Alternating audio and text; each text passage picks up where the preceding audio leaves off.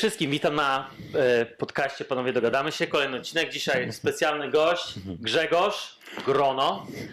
E, Zgadza się. Nie chcę być inaczej. dobra.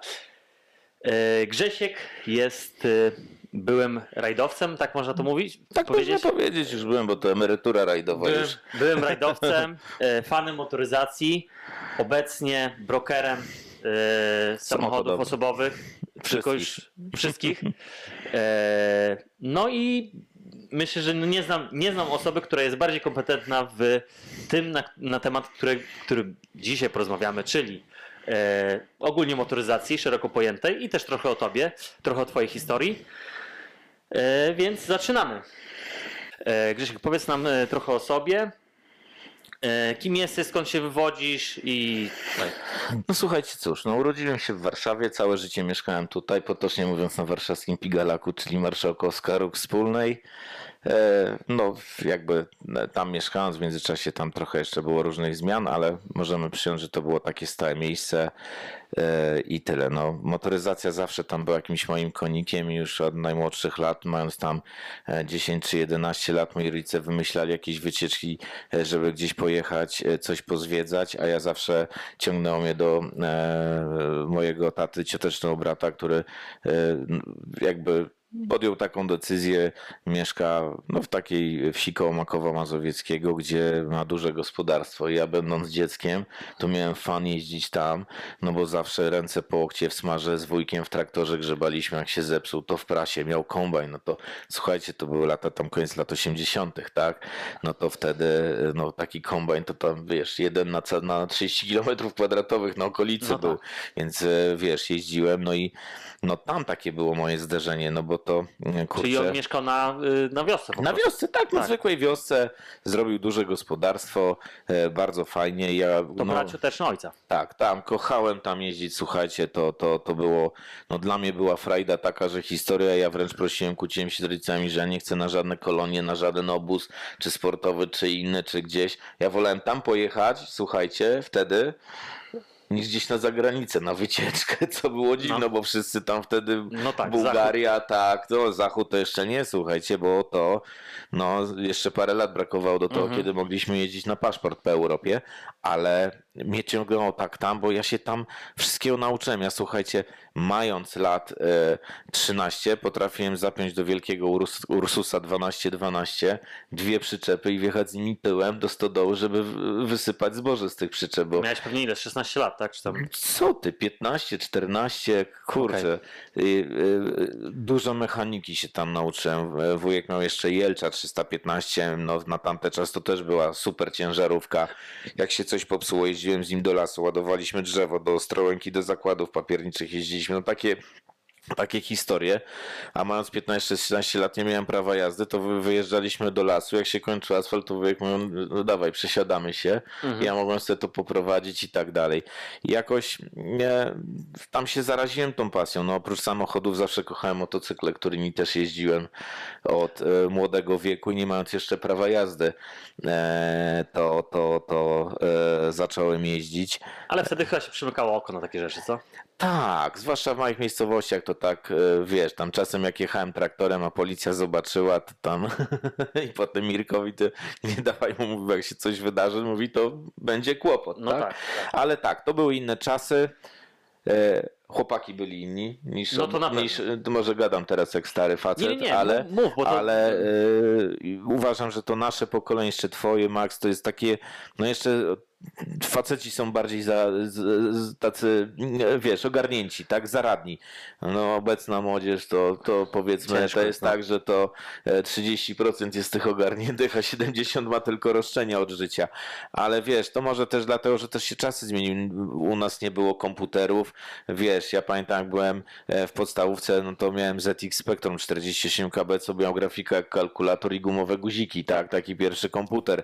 Nie było internetu. Wiesz, były inne zajawki, tak? Ja się wtedy jak zaraziłem, tak trochę poznałem ten smak motoryzacji i tak dalej, no to, to kupiłem jakąś motorynkę tam po, po wywrotce, to ją naprawiłem, potem komara, potem chciałem kupić motor, mama się nie zgadzała, no to pogadałem z babcią, kupiliśmy Jawę Sporta, tak? Mhm. No to ja nie mogłem na siebie zarejestrować, bo nie byłem pełnoletni, tak? Babcia mówi, to ja ci zarejestruję, tak? No, a ona wtedy wyprowadziła się z Warszawy do Siedlec, no a że tam jakby to też ludzie bardziej wtedy żyli ze sobą, tak? To miasto też było mniejsze.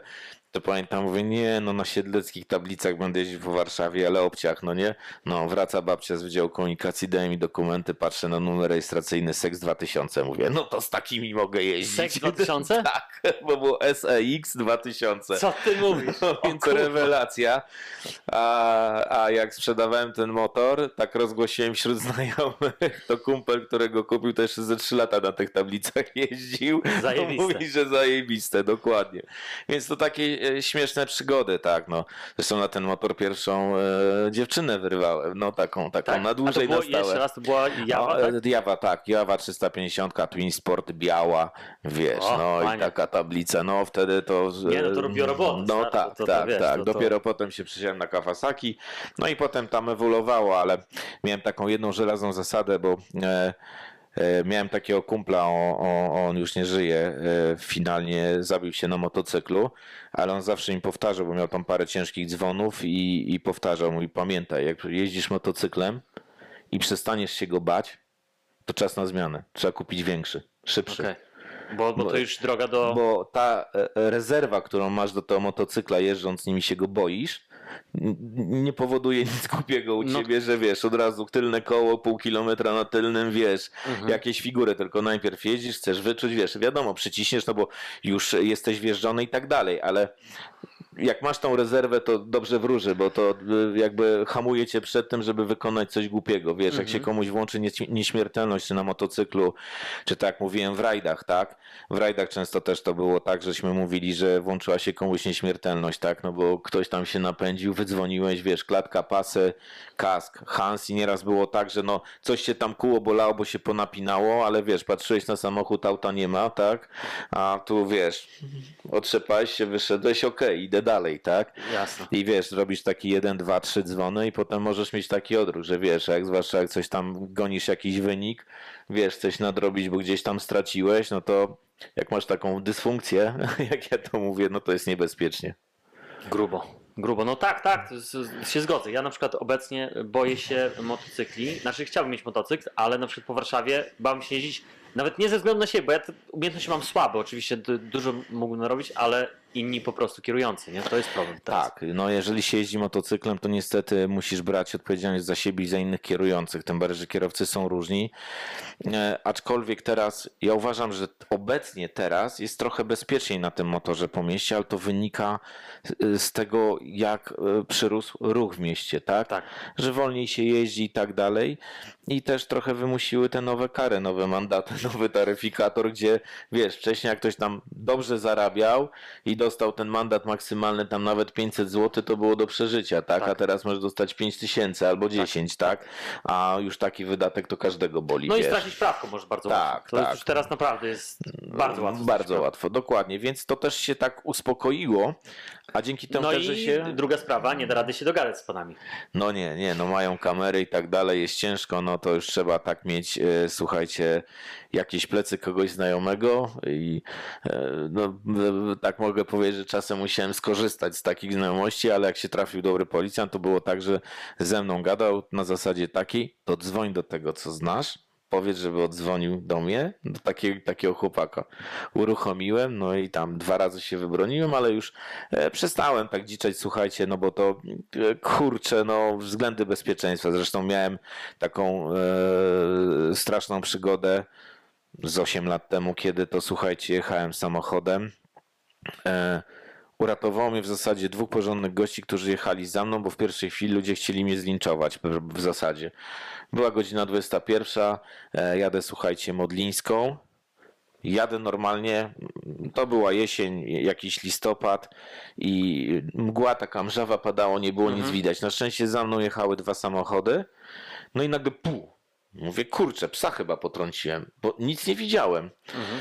No i słuchajcie, okazało się, że pani przebiegała, jechałem białym samochodem. Za mną jechał samochód tak lekko wysunięty na bok. Okazało się, że ta pani jest starsza, no była starsza, tak, bo tam 60 miała 7 lat i ona wbiegła na mój samochód. To było boczne uderzenie. E, miała rozbitą głowę, tam się lała krew, no w związku z tym, że jeździłem w tych rajdach, no to uczyliśmy się tej pomocy takiej, wiesz, doraźnej, żeby ludzi tam ratować, więc była nieprzytomna, panią ułożyłem, za chwilę odzyskała przytomność, powiedziałem, żeby leżała, e, zatrzymał się drugi chłopak, e, mówi, jestem ratownikiem, mówi, zadzwonić po policję, nie wiem, jak najpierw się nią zajmowałem, tak, mówi, to daj, ja panią przejmę, a, a ty dzwoń po policję. No policja, karetka przyjechała, no ja myślałem, że pani jest tylko tam coś połamana, ale wiedziałem, że jakby będą konsekwencje, bardziej, że ludzie przylecieli naprzeciwko z przystanku autobusowego, zaczęli się drzeć, że co ja robię i tak dalej. Na szczęście w aucie był GPS, więc udowodnione było, że jechałem 43 na godzinę, więc niespełna 50 i facet, który jechał za mną i kobieta, jestem im bardzo wdzięczny, po prostu zeznali, co widzieli, że ja jechałem i nie uderzyłem jej przodem, tylko ona wbiegła na moje przednie lewe koło. Ja po No prostu no tak. patrzyłem w prawo, coś spojrzałem, odwróciłem wzrok, słuchaj, no, ułamek sekundy, tak? No i zanosiło się, że wszystko będzie dobrze, a po czym w lipcu dostaję wezwanie na komendę, więc no przychodzę na komendę, wiedziałem, że to konsekwencja wypadku, Tak, gdzie osoba była potrącona i na pewno będzie dłużej w szpitalu niż 7 dni, bo e, policjant e, był na tyle uprzejmy, jeden pojechał z wypadku, wrócił potem tutaj na miejsce wypadku, bo tam 6 godzin staliśmy, jak całą tą procedurę robili, no i okazało się, że pani ma złamane biodro, coś tam jeszcze, coś tam jeszcze, i na pewno będzie powyżej 7 dni, więc będzie z tego sprawa, tak? No i lipiec następnego roku jadę na komendę, a pytam panią tą policjantkę, bo pamiętam jak, że miała na imię Anna, mówię, a jak tam nasza pani Anna? No, panie Grzesiu, dla to wyzywam, jest problem. Szóstego dnia zmarła. O kurwa. No i było grubo. Ale powiem wam, że mm, bardzo fajna sędzina się trafiła. E, wysłała to do Krakowa, do takiego ośrodka od rekonstrukcji wypadków. Te wszystkie zeznania, bo tam rodzina strasznie ambicjonalnie podeszła do tematu. No rozumiem ich, ale na sali sądowej też powiedziałem, że to nie tylko trauma dla nich i utrata bliskiego, ale z drugiej strony też jest traumatyczne przeżycie, No tak. tak? Wiesz, to... No dla ciebie też. no, Dokładnie. No ale sędzina była tak, że no, skończyło się na tym, że jakby była współwina, tak? Ja nie zachowałem szczególnej ostrożności, jakim jest e, okolica przejścia dla pieszych, bo według prawa jest tak, nie wiem czy wiesz, że 50 metrów przed pasem 50 za, to jest taka ta strefa, a tu były dwa przejścia i ona po prostu przebiegała na skuśkę pomiędzy nimi, tak? No więc mi tam dołożyli jakby taką współwinę, yy, yy, tam z jej za wtargnięciem i za nie, nieuwagę, no i tak się sprawa zakończyła na Okej. szczęście, ale nieprzyjemne wydarzenie, więc No na pewno. jakby no. tak trochę spokorniałem, pomimo tego, że z reguły jeżdżę jakimiś mocnymi samochodami tam po 400-500 koni, to, to słuchaj, yy, tak Trzeba się uważać. wyciszę. Tak, tak, bo no, zwłaszcza teraz, kiedy są te mandaty tak wysokie, a policjanci są sfokusowani na wynik i czasem wiesz, nie do końca jest twoja wina, ale pierwsze co to iść w wynik, czyli łoją kierowcę, tak, że jesteśmy wiadomo. za wszystko winni. No, no to wiadomo, zawsze to jest takie przyziemne rzeczy. Tak. No teraz to już w ogóle y, pi- pieszy to już prawie święta krowa, także Tak, no wiesz co, jeszcze akcje z pieszymi rozumiem, ale pomimo tego, że sam jeżdżę na rowerze i lubię pojeździć na rowerze, to większość rowerzystów tym lał kijem po plecach. Podoba mi się to, e, że policja też się wzięła za nich, bo ja rozumiem, jeżeli jest e, drożka olejowa i e, rowerowa, przepraszam, droga ro- rowerowa, tak na Tarchomie jest w wielu miejscach drogi ro- rowerowe, które po jednej stronie, na, tak jak na klasyków, masz chodnik normalny, po drugiej jest tam e, kawałek alejki rowerowej, ta druga jest wolna, duże natężenie ruchu tam jest, no i jedzie e, pseudokolarz, wiesz, prawie środkiem pasa, bo po przykrawężniku to dziury, woda stoi, to on nie musi jechać. No jak tylko zatrąbisz albo czasem zwolni, zwrócę uwagę, jest stary, tam masz alejkę. Wiedź na tą alejkę, bo blokujesz ruch. Ja jestem takim samym uczestnikiem jak ty. No Okej, no co- możesz zrobić, tak? no tak. Wiesz, ale y, naciągają y, bardzo, uczy- wiesz, Naciągają, tak, tak. rowerzyści na, na swoją korzyść te wszystkie sytuacje na drodze i to jest taka nacja, którą no, by trzeba troszkę ogarnąć. Nie mówię oczywiście, że wszyscy, tak, ale No, większość część, tak, tak, dokładnie. Tak, na pewno. Dobra, dobra. E, powiedz mi, e, kim byłeś? Dobra, to mamy takie czasy mało mm, nastoletnie, ale też powiedz mi, kim byłeś w liceum i tutaj uwaga, wiem, że byłeś w technikum, tak? Tak, tak, tak. E, śmiesznie byłem w technikum e, w Groszkowskim, czyli technikum łączności na Saskiej Kępie. Okej, czyli nie samochodowym. E, Nie samochodowym. Wiesz, w ogóle jakby nie, to był przypadek, y, bo ja złożyłem do liceum w Hoffmanowej dokumenty, a że byłem dzieckiem wyrzutu geograficznego, tak, i tak jak miałem w podstawówce tam pierwsze e, do trzeciej klasy dobrze, czwarta, piąta to był taki okres, gdzie no e, trochę się poczułem dorosły, łotrzyłem, a jeszcze mieliśmy z rodzicami różne wyjazdy, więc jakby miałem tutaj zmienianie szkół często, bo gdzie indziej mieszkaliśmy, e, wiesz, takie historie, no to miałem kłopoty, ale potem mama mnie tam ogarnęła, e, wiesz, e, załatwiała mi e, korepetycje, Zresztą e, mój korepetytor Jacek, no niestety tam 3 lata temu zmarł, ale żeśmy się przyjaźnili całe życie. Co ty mówisz? Tak, Ale tak. korepetycje z matematyki? E, Z... Wiesz co, z matmy e, trochę z fizyką mi pomagał i, i pomagał mi Czyli też. ścisłe przedmioty. Tak, ścisłe i tak mnie napędził, że powiedzmy od połowy piątej klasy oceny mocno do góry, szósta, siódma, ósma bez problemu, wiesz, Mhm. same czwóry piony, więc tak było dobrze, to się, to się bardzo zmieniło. No i złożyłem do Hoffmanowej, oczywiście, wiesz, uciekłem na wakacje na wieś do Mirka, no bo będę tak. jeździł, będę jeździł i wiesz, zajarany, więc ten, no i przyjechałem tam e, tydzień przed końcem wakacji, idę i się okazało, że się nie dostałem. No i była lekka panika. A... Bo rozumiem, że jakiś dobry liceum, tak? Tak, tak. Hoffmanowa to jedno z lepszych, wiesz. No jest do tej pory, tak. Obok Hoffmanowej miałem podstawówkę 171, to, e, to jest na Miliplater szkoła na tyłach Mariota. Mhm. A, i- wiemy, wiem. tak, tak, i obok tak. Hoffmanowa. E, I słuchaj, e, to był tak, tak, że się zdziwiłem, nie wiedziałem co zrobić. Poleciałem na chorzą do samochodówki najbardziej znanej w, Warszawie, Mhm. no takiej najlepszej. Okazało się, że mogę zapomnieć, bo na, re, na liście rezerwowej to jest połowa tego, co normalnie przyjęli, tak? No, Więc nie było podejrzewam, że w szansy. tamtych czasach to był bardzo cie- jakby każdy pewnie chciał być jakby Tak, coś to samochodami wiesz, robić. W ogóle wtedy to był taki czas, że te szkoły takie typowo zawodowe, tak, że robiłeś profesje, to były bardzo oblegane, zwłaszcza te dobre, bo one zapewniały to, że no, miałeś szansę od razu po szkole dostać robotę i to e, wiesz, e, same serwisy dobre. To był taki też czas, że wiesz, otwierał się Smorawiński, BMW, Tak. Mercedes przychodził, importerzy. zapotrzebowanie tak, było. Tak, było zapotrzebowanie i mogłeś się dostać jako młody po szkole do jakiegoś takiego e, niezłego, e, wiesz, serwisu Tak. do pracy. I, i chciałem tylko tutaj jeszcze przerwać, bo No. tutaj może niektórzy nie rozumieją moci, yy, bo w tamtych czasach to ty szukałeś pracy i ty potrzebowałeś pracy i nie było łatwo z pracą, nawet w Warszawie nie, myślę, że nie tak, było tak. łatwo Nie, z pracą. nie, nie, nie było. To nie były kolorowe Dopiero czasy tak, jak teraz, że Dopiero taki przełom z tą pracą to się zrobił rok 91, drugi, trzeci, kiedy już tam po obradach okrągłego stołu, ta przemiana i tak dalej, wyjeżdżamy na paszporty, ludzie mogli otwierać firmy bez ograniczeń, to był taki dobry czas i, i też to chyba, y, to, że był taki dobry czas, a ja w tym czasie akurat tak dorastałem, no to było tak, że, że od razu miałem, jak człowiek był operatywny, otwarty, na łatwość nawiązywania kontaktów, to budowało to relacje z ludźmi i no w ogóle wtedy ludzie mieli jakieś relacje, bo teraz to każdy albo w komórce, albo w komputerze, No albo tak, w telewizorze i, i mało jest takich e, ludzi, jak, tak jak ty mieszkasz w dużym bloku, to kiedyś u nas było normalne, że pomiędzy piętrami rodziny chodziły do siebie Tak. spotkania, albo e, wszyscy dorośli, wtedy my żeśmy byli bachorami, tak, e, przychodzili z pracy, robili kanapki, sałatki, szli pod e, ten, pod trzepak u nas na podwórku, bo mieliśmy jedną bramę od żurawej, drugą od wspólnej. E, słuchajcie, rodzice siadali na, na ławkach dwóch, jakieś sałatki, cuda, przynieśli jakąś tam starą paletę, rzucili kawałek na tą paletę czegoś, e, wszystko dziewczyny ustawili, kobitki sobie piły winko, chłopaki zrobili flaszeczkę czystej, tak, ale nikt się nie upodlił, my graliśmy w Babingtonach, się robiło szaro, to szliśmy. I te relacje były takie, że, że wiesz, a teraz mieszkając w takim bloku, to nieraz się okazuje, że Tam sąsiada za ścianę, a ty go nie widzisz, jak mu powiesz dzień dobry, to patrzy co od niego chcesz, wiesz, no to jest straszne, wiesz. no tak, tak, tak. To się zmieniło i, i smutne, że się zmieniło, bo ludzie jednak powinni walczyć o to, żeby e, te relacje Tak. były takie, wiesz, normalne. Ale kontynuując ze szkołą, no nie dostałem się, wiesz, e, wróci, wróciłem do domu, powiedziałem matce więcej włosy dęba, no i fart chciał, że e, pan Mirek, który mieszkał z nami przez ścianę, on wtedy pracował w Ministerstwie Łączności, wysoko był ustawiony, przyszedł do mnie i mi Grzesiek, słuchaj, u nas w szkole są dwie nowe klasy. Mówię, spróbujecie, czy by cię przyjęli, tak? Ponieważ no, yy, no może być tak, że yy, nie wiem jak będzie, ale przynajmniej się postaram, Mhm. tak? Tylko mówi, jedna klasa jest o metro, tak? A druga klasa jest yy, telekomunikacyjna o telefonach komórkowych. Ja w jakich komórkowych? No nie, wiesz, tak. d- d- d- No.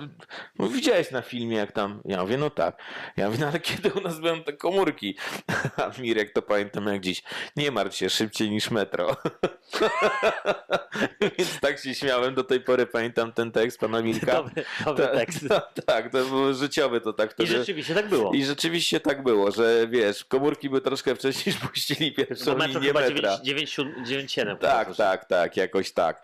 No i, i słuchajcie, no pierwsze metro to w ogóle jeździło tylko Politechnika Tak, Ursynów, tak, tak? tak, To tak, ten tak. pierwszy odcinek. No ale e, poszedłem, poznałem tam bardzo fajnych chłopaków. E, W dużej grupie do tej pory się spotykamy i się przyjaźnimy. O, to jest wiesz, zajebiste. to jest zajebiste, tak, że wiesz, wiemy o sobie wszystko, oni do mnie z rodziną przyjadą, ja do nich pojadę z rodziną, wiesz, no e, czasem z nimi lepiej niż z własną rodziną taką prawdziwą, Tak wiesz, jest, jak no. to tak, jest. Tak, no. tak, tak. No to są, to są relacje, o które trzeba dbać. Tak, tak, tak. I, I wiesz, ja też cały czas podkreślam i uczę też swoje dzieci tego, żeby miały takich kolegów, żeby starać się utrzymywać takie przyjaźnie. No i co, no skończyłem tą szkołę. No i było fajnie, no i tam podszedłem ambicjonalnie, e, słuchajcie, do tematu, no w międzyczasie I love you z kobietą, no i wpadka, więc mi w wieku 18 lat urodził się syn, który teraz jest Max, dwa lata od ciebie tylko młodszy, Grubo. bo ma 31. Grubo. Więc, e, więc tak. No i tam zawsze dążyłem do tego, żeby coś tam pozarabiać. Była taka chwila, że po tej szkole e, poszedłem do pracy do takiego mojego. Do mojego ojca e, kolegi i mieli dużą firmę zajmującą się e, projektowaniem, wymianą węzłów ciepłowniczych w bloku i tak dalej. Poszedłem tam na takiego zaopatrzeniowca, bo tak, tu małe dziecko, tu coś, to żeby się gdzieś zaczepić tylko, Mhm. tak? E, Tą szkołę, tą telekomunikacyjną skończyłem, ale jakoś tak wiesz, wiedza była, ale nie czułem flow, żeby tam Mhm. do, do tego całego zawodu. Jakby zmusiło mnie życie, żeby pójść tam do szkoły, tak? A przez to, jakich ludzi tam spotkałem, bo był pomysł, idę tam na rok, a potem się gdzieś przeniosę, no nie? I trudno, rok stracę, ale Mhm. nie ma sprawy. Ale przez takich tam ludzi poznałem, wiesz, jaką zgraną ekipą byliśmy, trzeba też powiedzieć, że zaczynając tą szkołę, było nas w klasie 34 osoby, a skończyło nas 17.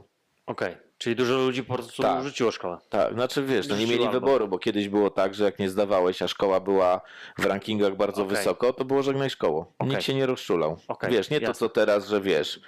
No tutaj szansa sobie. No, tak. Mam znajomego, który prowadzi szkołę prywatną, tak, yy, i mówię, tam jeździ na te zebrania i tak dalej, no nie chcę tu nikomu też ubliżyć, że nie wziął tego do siebie, no ale mówi, że do szkoły prywatnej przeważnie chodzą największe głąby, bo wiesz, jak płacą, to zdają, tak, rodzice jak płacą, Tak. oczywiście.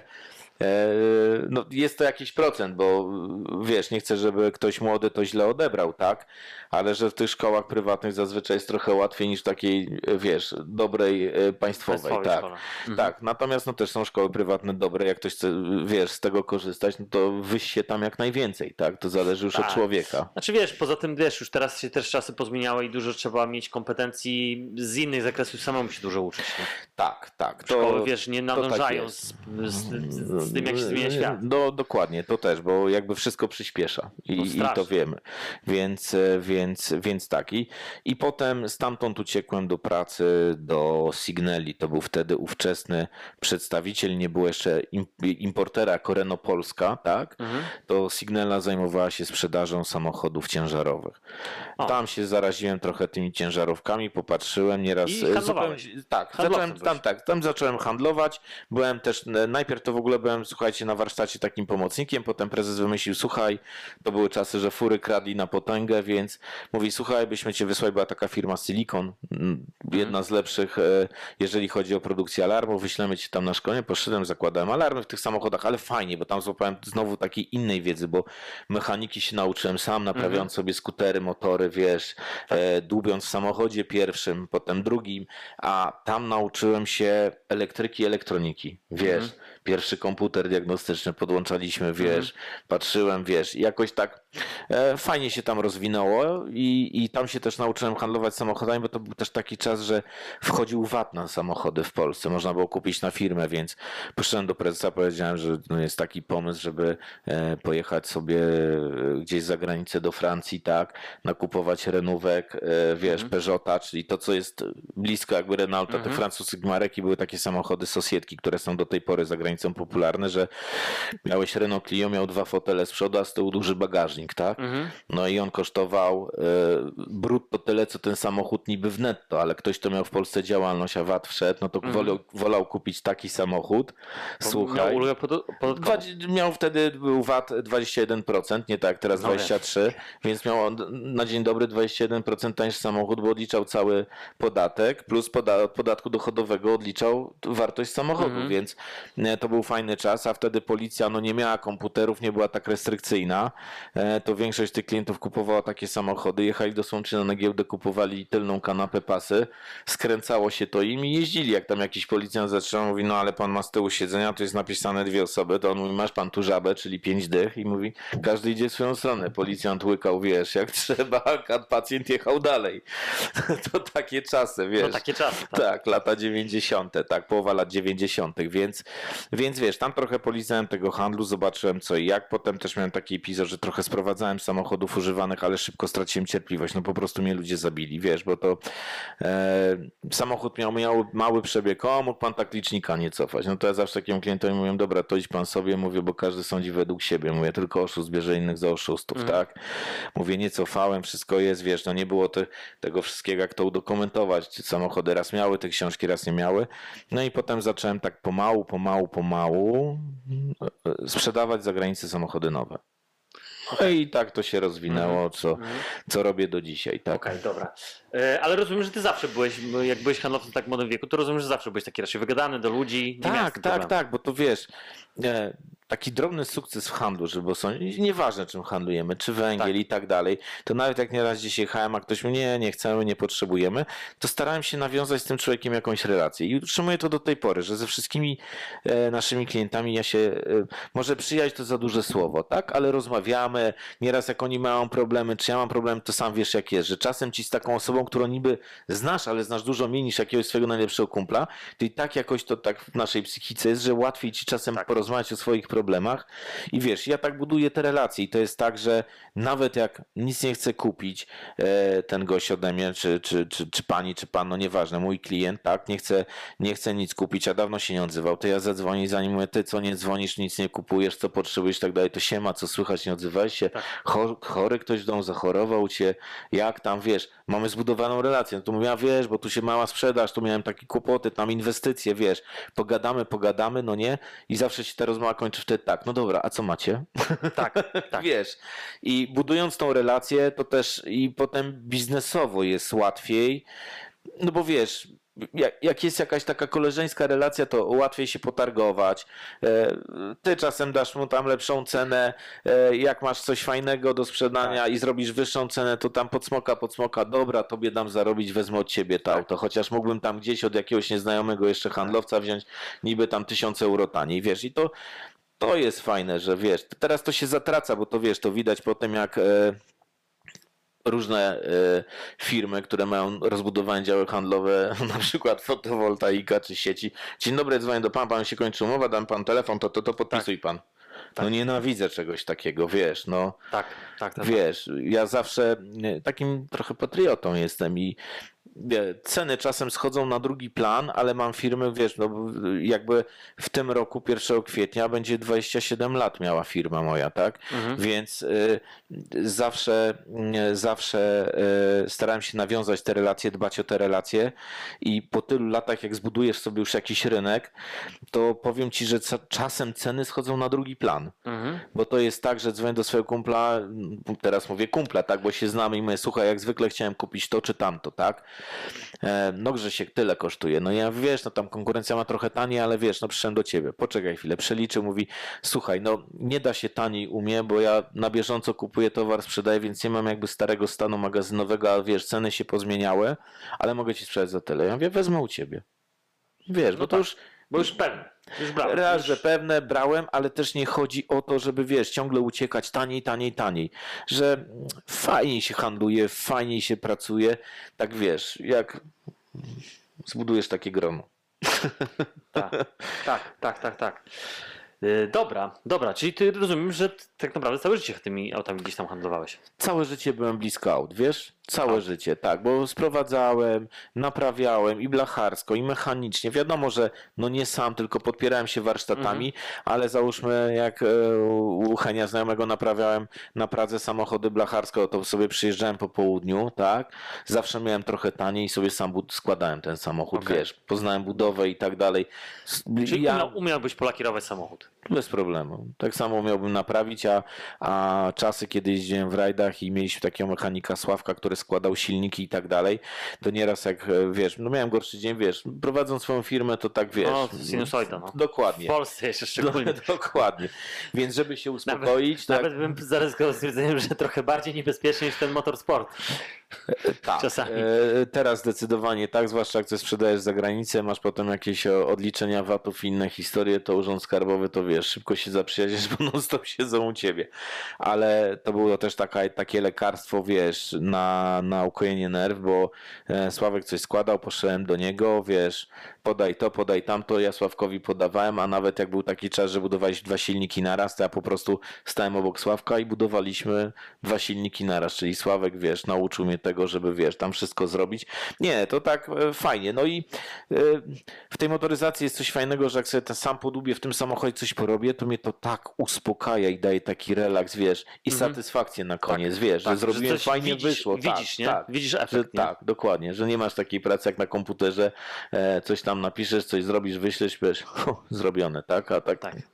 Nie widać tego. My Wiem. jesteśmy inne pokolenie, jeszcze jesteś przyzwyczajeni, Tak. jak widać tą pracę, widać, że zrobiłeś, to masz taką zajebistą satysfakcję. No, tak, to, no tak, nawet jak umyjesz auto, to widzisz po prostu efekt tej pracy. Nie? Tak, dokładnie. Dobra.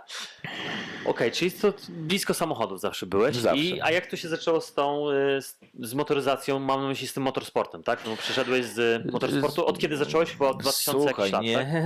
nie. Słuchaj, e, sam początek motoryzacji nie ma inaczej. e, Są tak zwane, teraz to, to, to trochę to się inaczej nazywa, ale kiedyś to były KOTS-y, tak? Co to było tak zwaną przez rajdowców subkolandią, bo te rajdy były, wiesz, na małych prędkościach, na małych plasach.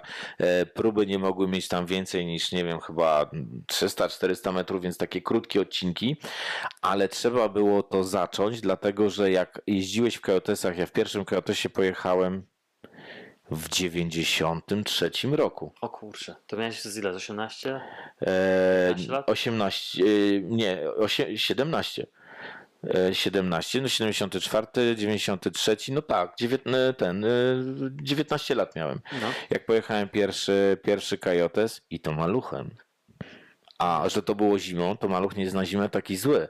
Bo słuchaj, jak się go No. trochę z tyłu obniżyło, e, silnik z tyłu dociążony, to powiem ci, że jak na tylny napęd, to kurde super, nie? Wiesz, i Mhm. na śliskim to duża fura, dużo mocy, koła się kręcą, on stoi, a ten maluch, wiesz, mało mocy, więc tego Możesz- boksowania nie było i wbrew Mhm. pozorom, wiesz, można było wyjechać. To był pierwszy. Tam pojeździłem 94, 95, wyjechałem wszystko. Jakby tam jakieś takie mistrzostwa regionalne województwa warszawskiego, tak, e, wiesz, wygrałem. To podejrzewam, że to też było niszowe, co to nie było. Wiesz co, sporo ludzi jeździło, ale w te takie samochody jak Warburg, Taban, duży Fiat, Łada, wiesz, no Mhm. takie samochody, tak?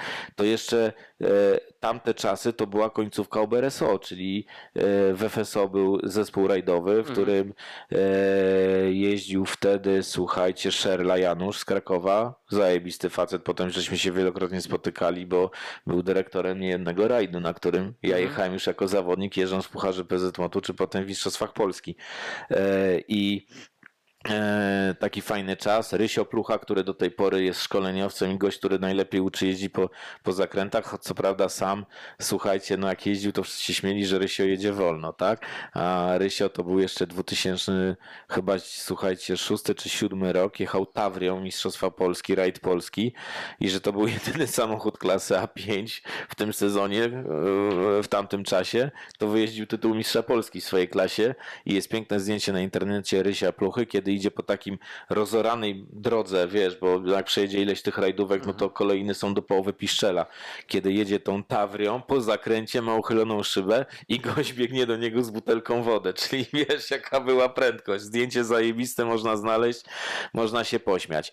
Ale e, wiesz, jako szkoleniowiec super, jak ktoś go Mhm. słuchał, to naprawdę chłopaki zaczynali robić wyniki, dziewczyny też, bo też był Mhm. taki czas. Ja potem od tego 96, słuchaj, e, też jak otworzyłem e, firmę, no to kupiłem e, busa i zacząłem jeździć, wiesz, e, wyłapałem przez jakby takie układy. Transport. Tak, tak, transport, zacząłem robić transport. Wyłapałem układ z Colgate Palmolive Poland, wiesz, tam ich obsługowaliśmy transportowo, zaraz tam dokupiłem drugiego busa, Czy trzeciego. rozwoziłeś po sklepach, tak? I Tak, tak, po sklepach po Polsce i jak były jakieś targi za granicą, to, to zawsze, wiesz, chłopaki lubili mnie wziąć, bo wiesz, i wygadany byłem i tak dalej, zawsze pomocny, nie tak, że przyjechał pan kierowca i ma wyłożone, wiesz, na wszystko, tylko przyjechałem busem, to pomogłem rozstawić stoisko, regały, coś, wiesz, poza zawsze się kręciły fajne hostessy, to wiesz, No było warto się No poprzemieszczać. wiadomo, zawsze. No.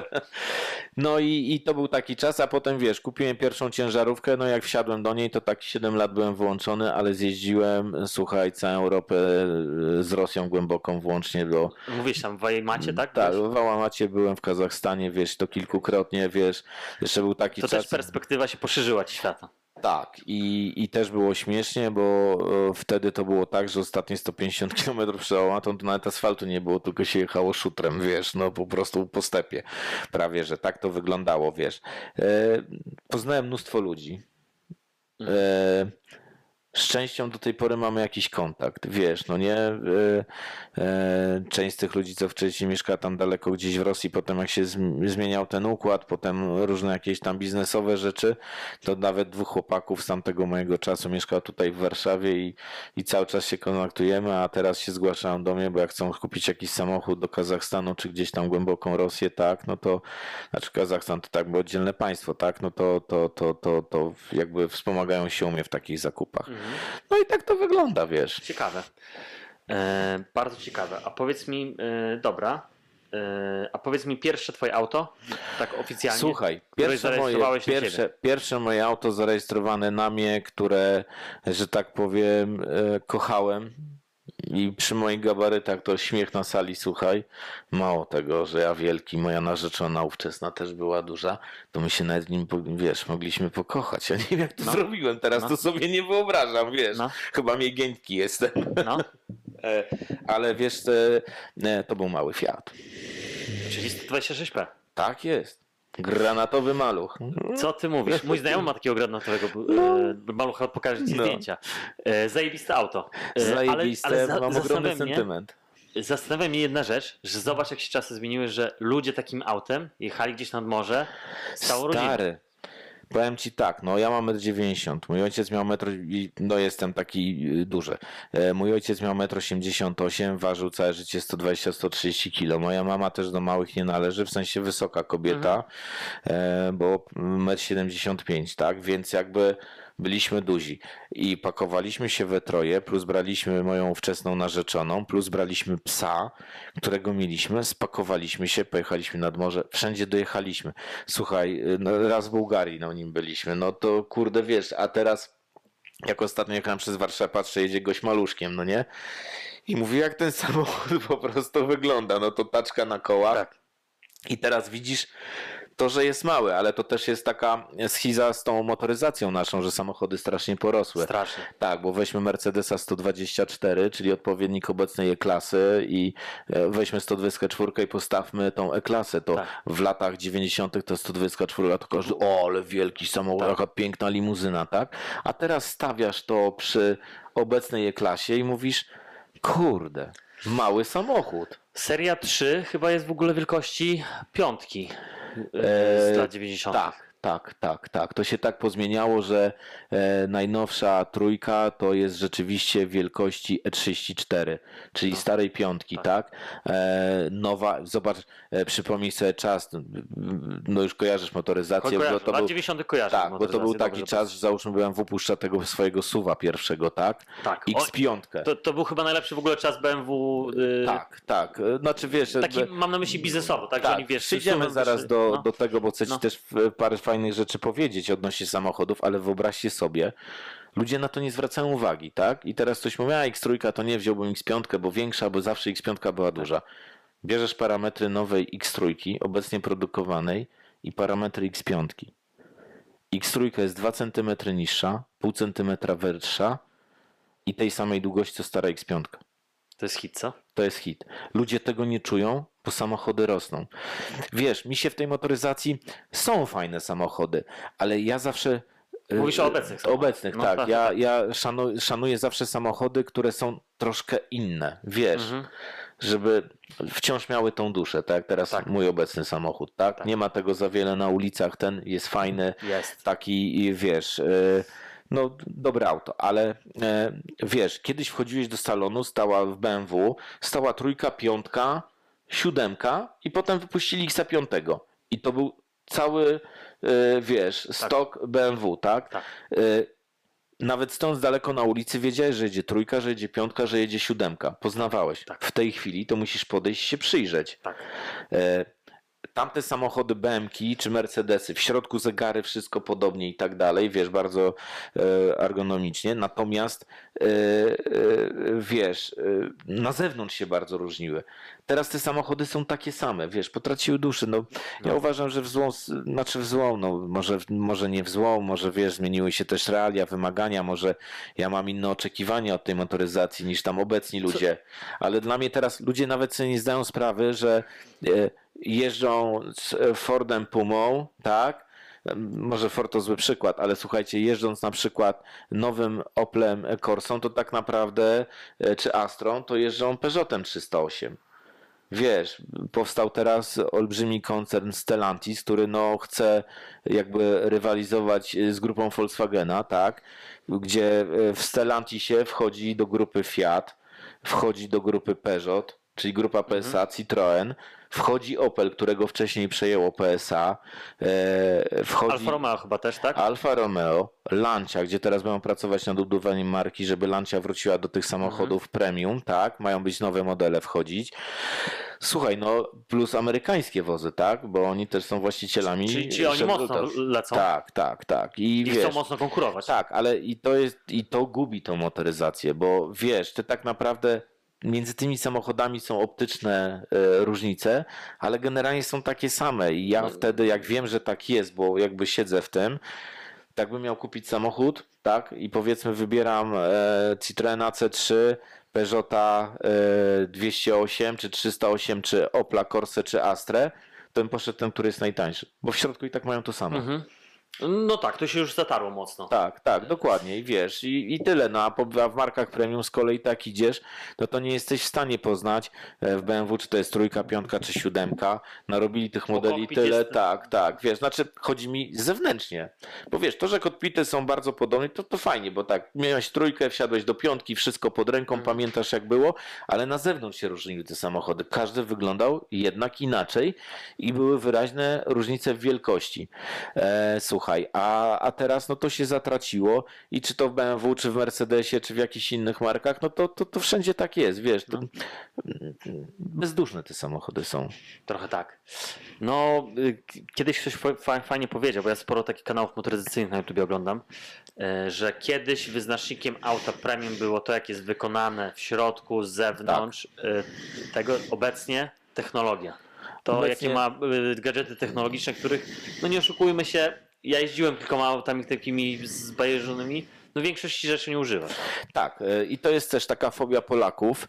e, Słuchajcie, że kupują zawsze takie wypasione samochody i, i, i potem wiesz, e, z tego nie korzystają. No mój kumpel pamiętam też kupił samochód, tu jakaś nawigacja, tu Boją się jakiś ludzie tego technologii. Starsi tak, młodsi nie, bo żyją Młodsi tą nie, tak. technologią, więc jak ich stać na zakup jakiegoś fajnego superkara, no to słuchaj, to no chcą z tego korzystać, ale potem jest tak, że i tak jedzie w mieście gdzieś i musi wpisać nawigację, to zanim w tym samochodzie gałą czy palcem wpisze, to bierze telefon, trrr, bo ciągle pisze SMS-y, minuta i ma i kupiłeś, zapłaciłeś za tą nawigację, za inne rzeczy, a dwa razy w roku z tego korzystasz, a na przeważnie na telefonie to robisz. Dokładnie. No to, to są takie, no wiesz, fajne, są fajne, przydatne rzeczy, tak? No, e, jak miałem Teslę na przykład, no to wiesz, e, miałem trzeciej generacji tego autopilota w Tesli, no nie? No fajny gadżet, no jedyna niedogodność tego, że i tak jak zdjąłeś rękę z kierownicy, kierownicy, to po 15 sekundach deska miga na Mhm. czerwono i trzeba złapać kierownicę, Mhm. ale udało się to obejść. Okej. Kupiłem w sklepie ze śmiesznymi Po rzeczami. Polsce to jeździ, jeździ w miarę autonomicznie? Tak, po autostradzie pojedzie, dojedzie do samochodu, jak ma zadaną prędkość, to wyprzedzi auto, wróci na ten pas poprzedni i tak dalej, wiesz. Jakoś to działa, natomiast ja nie ufam. E, e, e, Ta autonomia, słuchaj, bo przyje... e, samochód to jest wolność dla mnie, tak? No tak samo motor. Uważam, że motor to jest w ogóle jest. Tak, to jest tak, wiesz, że jesteś wolny. E, Daje ci to jakąś swobodę, tak? Taką mocną. Tak. Druga rzecz, która mnie ciągnie do tej motoryzacji, to dla mnie jest przyjemnością prowadzenie samochodu. tak. Sama jazda, tak chcę pojechać i wiesz, mam coś innego do roboty po drodze, tak ostałem do Gdańska, tak miałem pojechać do Gdańska tam na 3 godziny spotkania, to podjechałem autem po dworze, wsiadłem w pociąg, po drodze jeszcze się przygotowałem bardziej do spotkania, e, tam wziąłem taksówkę, podjechałem, załatwiłem i pociągiem, który był 3 godziny później wracałem już do Warszawy. Nie umęczony, nie uterany, ale słuchaj, tak żeby jechał, prowadził ten samochód, no to ja nie ufam tym systemom, to jeszcze dużo. E, robiliśmy sobie takie testy, wiesz, e, w takim małym miasteczku pod Berlinem, gdzie właśnie, wiesz, e, zrobić taki patent, że kupiliśmy rękę e, gumową, taką sztuczną w sklepie ze śmiesznymi rzeczami, żeby nikt nie widział, to ją na dole kierownicy przykleiliśmy na taśmę, więc czujniki w, w czoło, że ktoś trzyma tą No. kierownicę, ustawiliśmy, żeby nas odwiozła do domu. I kiedy ona jechała autostradą, było super, ale potem był zjazd z autostrady i podjazd do takiej landówki, tak zwanej Mhm. drogi, wiesz, po, po jednym pasie w każdą stronę. No i jakby ten pilot wyczuł, że tutaj nic nie ma i ona zrobiła taki ruch, że skręcaliśmy w prawo, ale jak skręcaliśmy w prawo, słuchaj, to tak ty prowadzisz, to nie wyjeżdżasz na przeciwległy pas, a ona za każdym razem wyjeżdża na przeciwległy pas. Okej. I wiesz, to jedyną rzecz, którą ona może zrobić, to jest jak wyczuje, że naprzeciwko ma auto, to ona po prostu stanie jak wryta. I teraz kwestia tego, czy tamten gość wyhamuje, czy nie. Tak. A wiesz, ty prowadzisz ten samochód, dodasz gazu, zahamujesz, dążysz rzucić wsteczny, cofniesz, miniecie się na żyletki, ale wiesz, i dla mnie... Znaczy, to, y, rozumiem o co ci chodzi. To, ty, ja bym miał trochę tak chyba, żebym był jeszcze bardziej czujny, jakbym jechał z tym, tym, tym całym testem, niż, niż jakbym sam Znaczy, prowadził. powiem ci, jechałem do Poznania i nie miałem żadnej przyjemności z tego, że ona tak samo prowadzi. Na początku tak mówię, fajny gadżet, ale potem tak. Ona raz wcześniej zmieniała ten pas, raz później, raz bliżej Nie dojeżdżała, raz dalej. Tak, tak czułem taki dyskomfort, a z drugiej strony, no, jak siedzisz i wiesz, wiesz, że masz władzę nad tą maszyną, jaka by nie była, no to to jest przyjemność. No No, jest, jest, jest. No myślę, że to o to chodzi. Dla fanów motoryzacji to w ogóle o to chodzi, tak? To Tak, chodzi, żeby tak, po prostu tak. móc poczuć te auto. Tak. I coraz mniej takich aut niestety jest No i wiesz, i coraz e, mniej Jest- takich aut jest, e, to one są wszystkie wsparte elektroniką, ale też jest coraz mniej ludzi, którzy odczuwa przyjemność.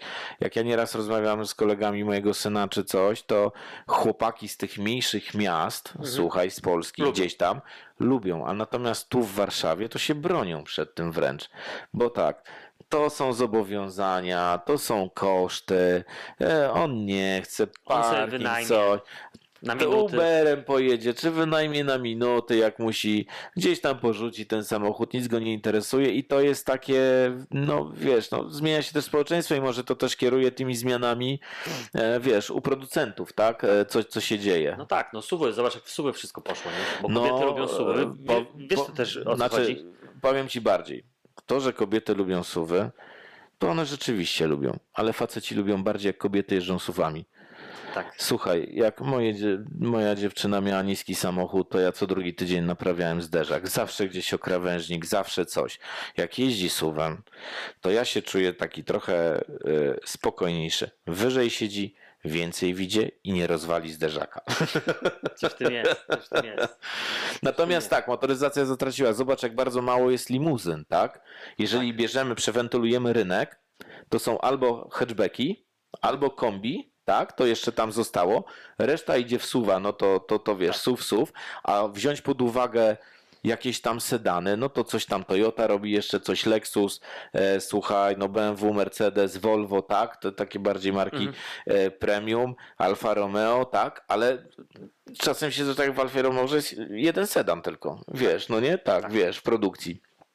E, Zobacz, Volkswagen teraz zrezygnował z, z produkcji Volkswagena Passata, a narobili suwów tyle, że to historia, tak, wiesz, wszystko takie, A, wiesz, a ro, rozwij mi teraz, rozwij mi teraz, yy, a propos jak już zahaczam o Alfa Romeo, bo jestem ogólnie fanem marki, bardzo mi się podoba. Kocham te samochody, kocham włoskie samochody bez tego, co ludzie mówią. I Bo- trzeba je kochać, żeby nimi Tak, jeździć, tak. bo one mają charakter jak kobieta. tak. Trzeba się z nim lubić. Tak.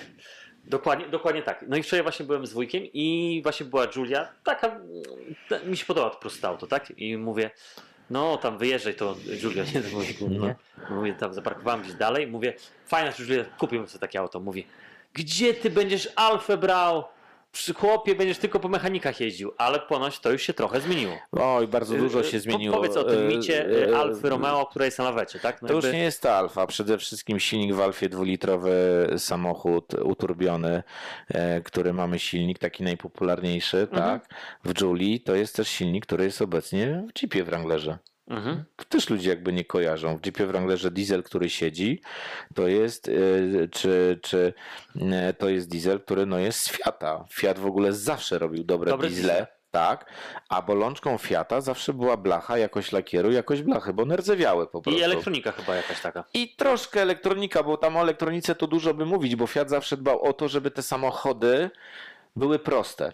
Mhm. I jak kiedyś był samochód roku, to tam ludzie nie patrzyli na te gadżety, tylko patrzyli tak. To był początek testów zderzeniowych, tak, w NDCP, więc patrzyli na to, jak one się zachowują e, przy wypadku. Patrzyli też na to, jak prosto można naprawić tą, e, tą, e, ten samochód. Słuchaj, i nawiązując jeszcze do tego, powiem Ci, że teraz Unia zmieniła dyrektywę. Od przyszłego roku producenci samochodów, pralek, jakichś innych gadżetów mają uprościć produkcję, żeby zapobiegać sztucznemu postarzaniu rzeczy, żeby się nie psuły. Okej. I między innymi producenci samochodów też dostali do rozwiązania problem, że jak wymieniasz żarówkę, to nie musisz roz- rozkręcić zderzaka pół Nie przodu, żeby tak, tak, żeby ją wymienić.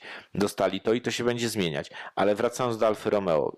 y, Samochód designersko na zewnątrz bardzo ładny i zobacz, to jest stare auto, teraz przeszło lifting. Tak. Zmienili trochę Widziałem. przód, lampy, bardzo ładne lampy. W nawiązaniu do starej Alfy, nie pamiętam jak ona się nazywa, ale to była la, lata 80. była taka Alfa Romeo, która kosztowała worek pieniędzy i właśnie ona miała też te lampy w takim Mhm. kształcie, wiesz, zapomniałem jak się nazywa, słuchajcie, ale e, bardzo dobre i słuchajcie, no nic się nie psuje. Sam byłem użytkownikiem Alfa Romeo e, Quadrifoglio Julie 510 koni.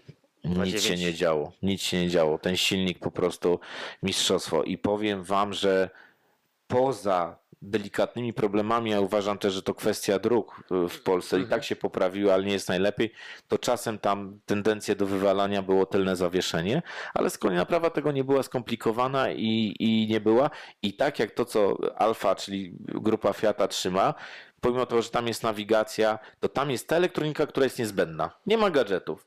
Lampy LED, szyber, dach Czyli auto dla elektryczny, kierowcy. szyby.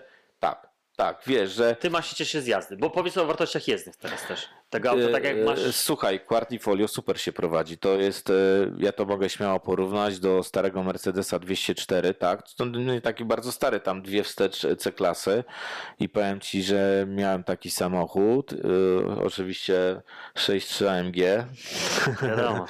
i powiem Ci, że e, Mercedes był trochę agresywniejszy, jakby bardziej taki Mhm. szarpiący, nieprzewidywalny, nie wybaczający błędów, ale to w Top Gearze Clarkson ładnie Mhm. powiedział o tym samochodzie, że zanim Mercedes go e, rozpoczął sprzedaż, i przychodzili klienci po ten samochód, to powinien go wysłać do psychiatry, bo to był samochód, który rzeczywiście nie wybaczał błędów. To Alfa, jakby z tymi wszystkimi systemami, tą nową elektroniką, jakby wygładziła tą jazdę. Mhm. Ale jak tak ze startu żeśmy się brali, to była szybsza. Tak? Tak, Robiła robotę. robiła robotę. A dwu, dwu, dwu, dwulitrową benzyną też pewnie jeździłeś bardzo tak. Tak, tak, e, I, i wiesz, w miarę tak. takie dla, dla, auto dla E, kierowcy, który... Wersja Veloce, która ma napęd Tak. na cztery koła, super auto. Masz fajnego sedana z bagażnikiem powyżej 500 litrów, czyli małżeństwo, dwójkę dzieci, bagaże, jak się uprą, to i babcia w pośrodku między dziećmi usiądzie i pojedziesz pięć osób. I ja do I samochodów radość też... jazdy. Tak, ja wiesz co do samochodu też podchodzę trochę pragmatycznie, bo też e, zawsze zwracałem uwagę na to, co tam można zmieścić. Tak. Wiesz, jak byłem młody, to zawsze chciałem auto coupé, coupé, coupé, tak? Tak. A potem jak już miałem dzieci, kurczę, ten fotel, w lewo, w prawo, odsuń, zasuń, tu, wejść tam do tyłu, kłopot. Mówię, nie. No i potem był taki fajny czas, kiedy powchodziły takie samochody niby coupé, ale pięciodrzwiowe, tak? Jest. Tak jak Mercedes Four Door, jak Porsche Panamera, wiesz, Mhm. e, jak BMK 8 obecna, wiesz. I, I to też są fajne samochody, Bardzo bo wiesz, fajnie. z przodu, wiesz, w ogóle linia coupé i tak dalej, auta są duże, duże bagażniki. No powiedz o aucie, którym obecnie jeździsz, bo też uważam, że jakby no wbrew pozorom ktoś sobie myśli, że to jest sportowe auto, ale jest też mega praktyczne, myślę. Słuchaj, tak, to jest... Powiedz, e, czym jeździsz, żeby też Tak, widzowie to jest. Mercedes AMG GT53 Four Door, tak, auto, które ma tam prawie 500 koni. E, e, niestety tu jest rzędowy silnik. Mhm. Tak, e, to był taki mój właśnie wybór przez to, że wiesz, ja też dużo podróżuję, więc e, fajniejszy byłby 6.3, ale ten 6.3 tak naprawdę to nie jest 6.3, tylko 4.2 biturbo. No tak. Ale w tym zmieniło. samochodzie jest 3-litrowy rzędowy silnik, e, który ma dwie turbiny, dwie dwie, turbiny. dwie turbiny i kompresor. I jest fajnie, słuchajcie, bo e, jak się jeździ na trybie takim podstawowym, tak zwanym cywilu, tak? To ten samochód, jak ja jeżdżę normalnie ze wszystkimi, nie dziczeję, tak? To utrzymuje około 11 litrów spalanie w mieście. Jak jadę w trasie i się nie śpieszę, ustawię sobie tempomat powiedzmy na 150 na godzinę, tak? Czyli 10 szybciej niż można w Polsce po autostradzie, jadę sobie te 150, to y, on mi pokazuje, on ma wtedy, bo ma 9 biegów Mercedes, to on wtedy ma 1600-1700 obrotów Czyli czujesz się jakby silnika, tak, prawie że wolne obroty silnika, słuchajcie, i on potrafi spalić w trasie poniżej 9 litrów. Czyli jak byłem małolatem i by zamieniłem malucha na Poloneza 1.6, to poniżej 13 nigdy nie zszedł. Więc to są takie różnice, jak się zmieniła ta motoryzacja. Też bardzo fajny samochód. Z Tam jest y, napęd stały? 4 tam, tam jest stały napęd 4 na 4 tu nie ma, to jest Formatic, tak to się Mhm. nazywa w Mercedesie, to jest stały napęd na 4 koła i ma jeden fajny gadżet, już miałem kiedyś Hondę Preluda, ona też miała Mhm. skrętną tylną oś, tak, ale powiem wam, że w Hondzie to jeszcze tak było czuć, że ta, jak jeszcze luz wyłapał to zawieszenie, ten samochód dziwnie się zachowywał.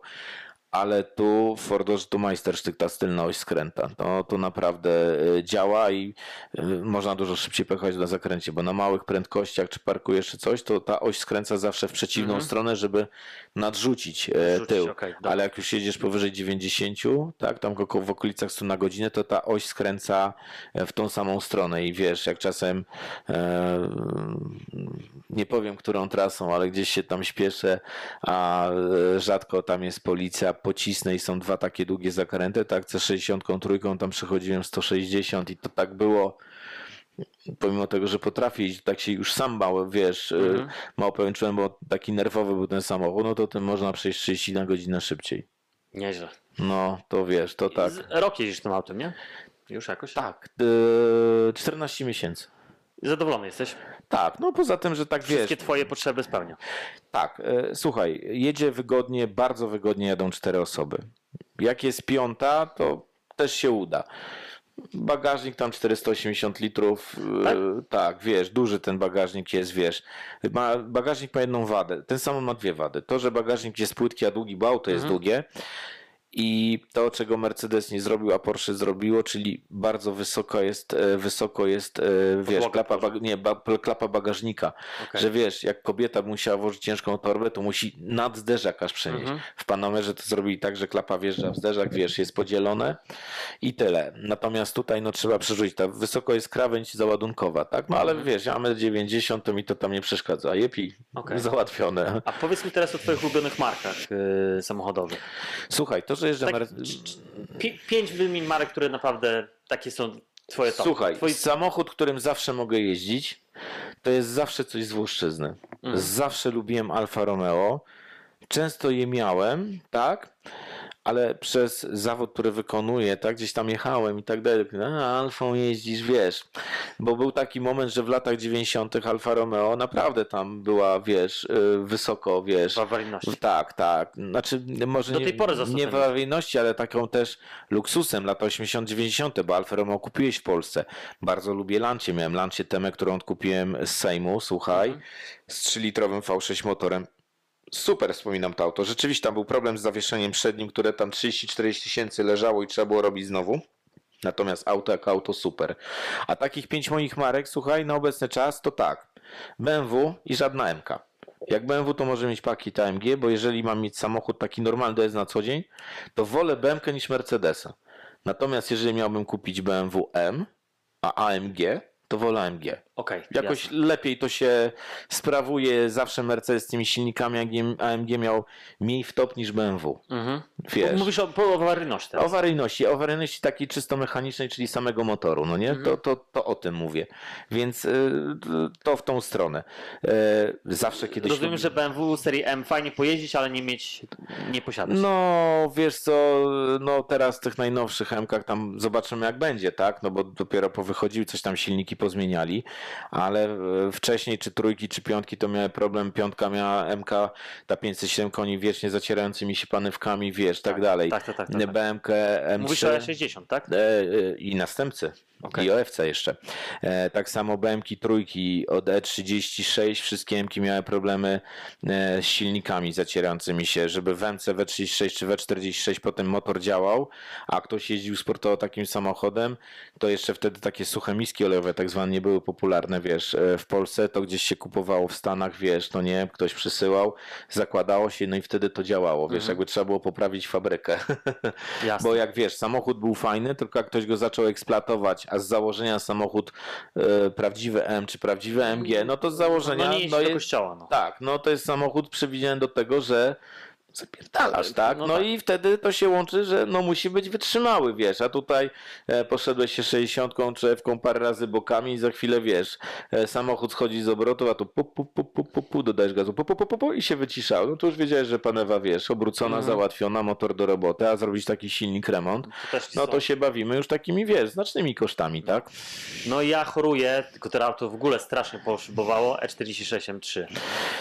Ale strasznie poszybowało w górę. bo, bo to się zrobił fajny klasyk, wiesz, a zrobił się fajny klasyk i to fajnie, ale zamiast E46 wolałbym Mercedesa Coupe 204 z motorem 6.2, 6.3, Mhm. to tam jest dokładnie 6.208 pojemność, ale 63 AMG, bo to jest, wiesz, no fajniejsze auto. Okej, Poza jasne. tym jak brzmi, M3 to taka trochę, jak ja mówię, szlifiereczka, no tam trochę buczą te Mhm. wydechy jeszcze, bo tak wtedy nie dbali, a jak wziąłeś e, e, jakieś auto z silnikiem AMG, bo też miałem Eskę starą, taką Mhm. z 2008 roku, też, też z e, silnikiem tym e, 6208, no to powiem Ci, że to tak bulgocze, a jedno co fajne, w MC dodajesz gazu, no to tam, no, nie i tam wiesz, no trochę zaburczy, jak ktoś Mhm. założy lepszy wydech, to okej, ale jak dodasz w takiej C-klasie i masz ten motor 6.3 gazu, to ty się czujesz jak w starej ciężarówce, po prostu cała buda chodzi i ci trzęsie na bogi, Okej. wiesz.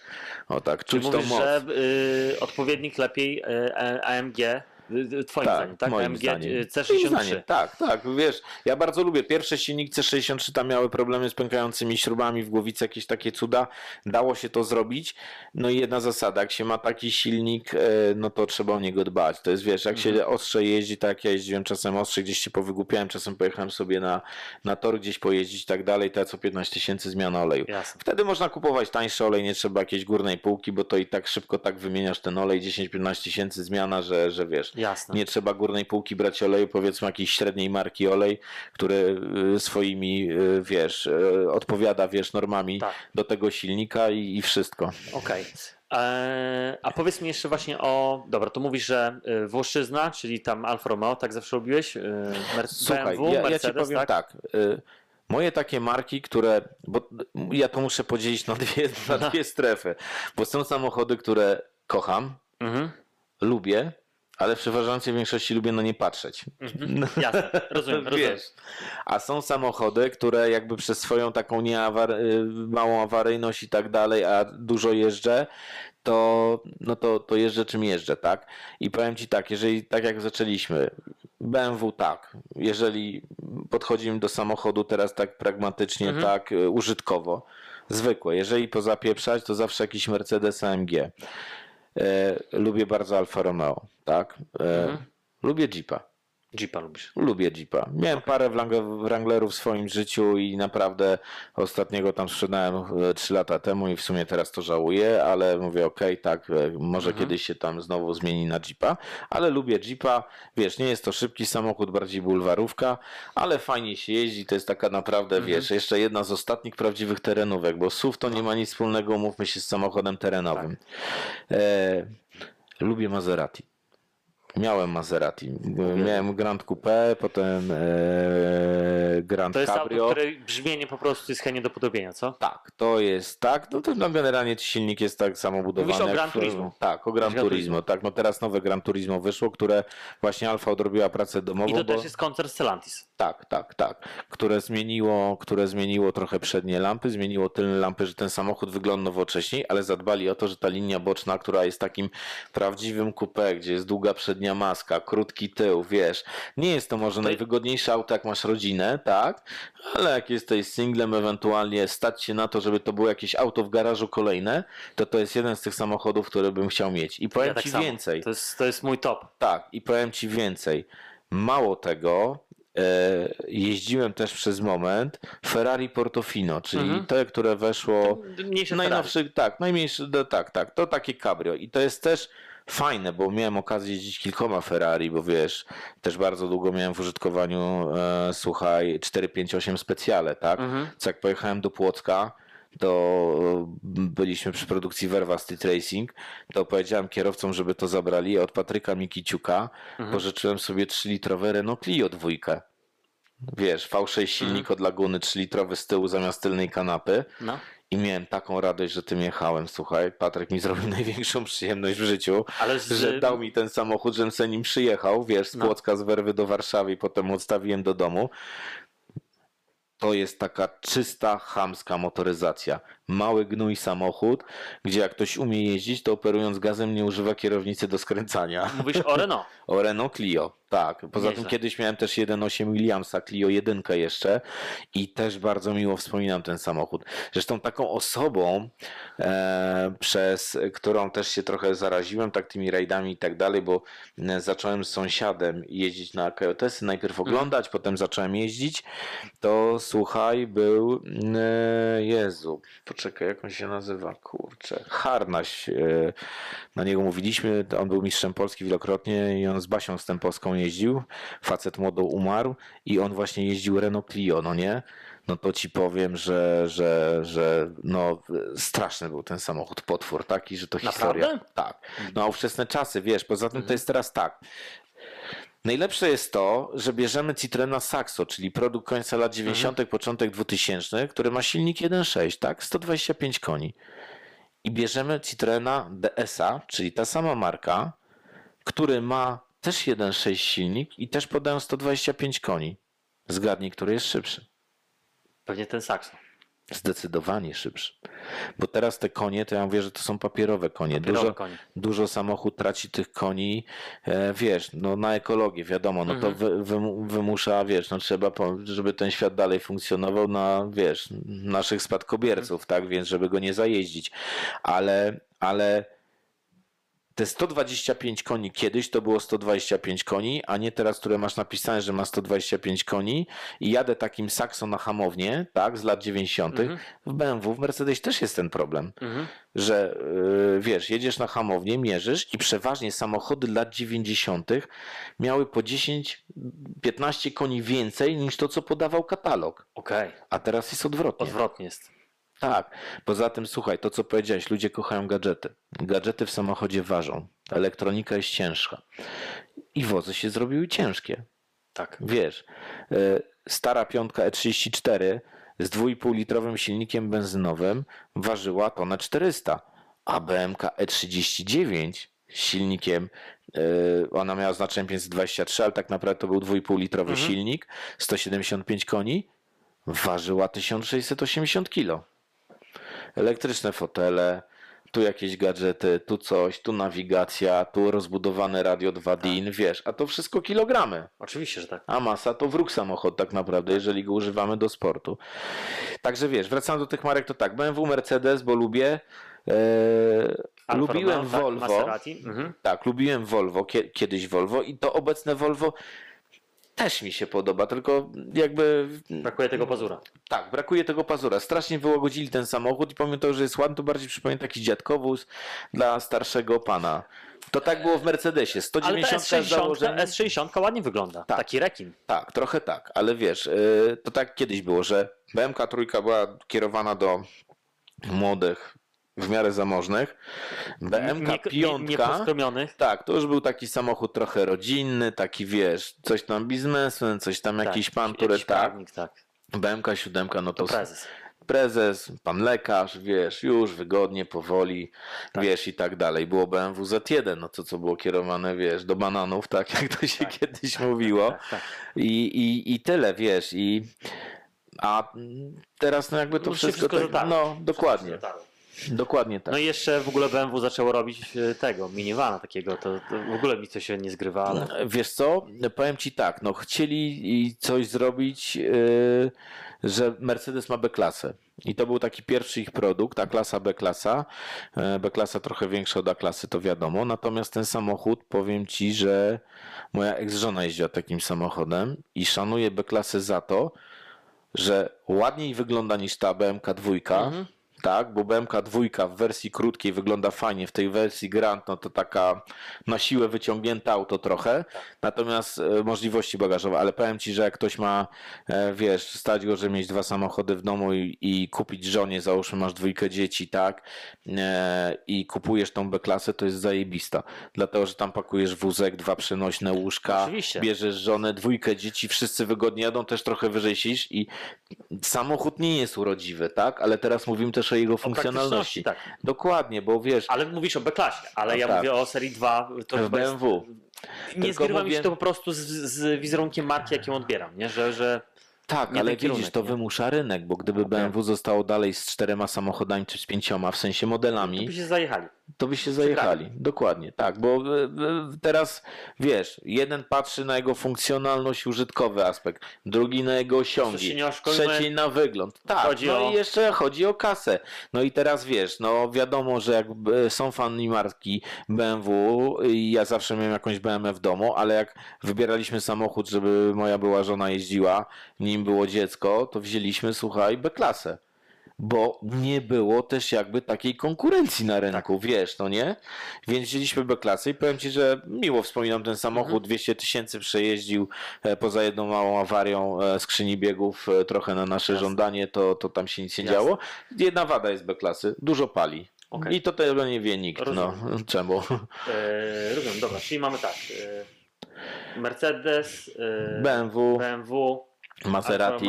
Maserati. Ta, tak, tak. e, i Volvo Jeep, byłeś? Jeep. I tak? kiedyś starsze Volvo. dobra. Wiesz, no miałem parę fajnych A, a co samochodów. sądzisz o Audi, Porsche? koncernie? Wiesz co, ja nigdy nie lubiłem Audi.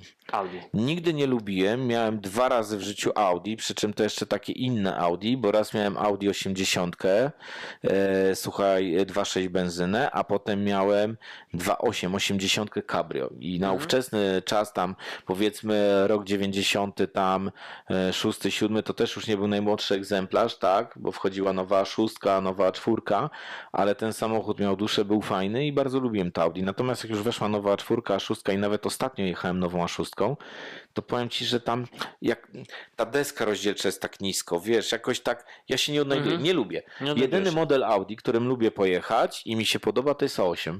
A8. okej. Tak, bo tam jest już tak ta decha bardziej rozbudowana i tak dalej, i, a takie Audi nigdy nie lubiłem i jakoś tak mało szanowałem ten samochód. Jasne, jasne. I właśnie to jest częsta opinia, którą też często słyszę. Takie różne są opinie na temat Audi. Tak, dlatego, że są fani tej marki, oni całe Są. życie tylko Audi. No I tak, choć nie tak prób- którego tak, znamy. to- jest... Tak, ktoś nie, nie, nie próbując jakby innych marek. Znaczy napęd, myślę, że ten Quattro to, to, to, to Nie, jest super no, sprawa. To tak, to Tak, tak. to oni tak. dobrze to to, rozwinęli. to jest to wiesz, no A pierwszy, teraz pierwszy przejdźmy do Porsche, do Porsche też, bo Słuchaj. słyszałem też o Porsche takie historie, że ja nie jeździłem za właśnie- właśnie Porsche za bardzo. Słyszałem, że w Porsche jak wsiądziesz w taką 911 to po prostu Wiesz, 911 to, to tak, ja lubię ten samochód, ale to jest coś, co wcześniej ci powiedziałem. Ten samochód należy do tych, które ja mógłbym, e, gdybym miał, wiesz, zasób finansowy Mhm. sobie kupić, postawić w garażu, gdzie będę miał z salonu ścianę do garażu Mhm. i patrzeć Patrz na niego, ale jechać nim żadna przyjemność dla faceta, który ma 1,90 m. okej, Jak rozumiem. miałem Porsche 911 Cabrio, to zanim wsiadłem do niej, to musiałem zdjąć dach. No Okej. nawet jak padało, żeby wygodnie wsiąść, bo wiesz, jeszcze wtedy akurat do przed schudnięciem nabrałem tej wagi. No nie, no ja, ja lubię patrzeć. Natomiast ale- miałem Cayena Okej. i bardzo miło go wspominam, bo miałem Turbo S-a, to tylko tam jedna wada była. No co byś nie robił, on pali 16, no. No rozumiem. Wiesz, a też jak sporo jeździsz, to boli to paliwo. No wiadomo. E, no wiadomo, że boli. No. E, I jedna sprawa. E, dobra, mówisz Cayenne, ale pod względem praktyczności mam na myśli tak porównując do Ferrari, do Lamborghini tego, e, 19, Słuchaj.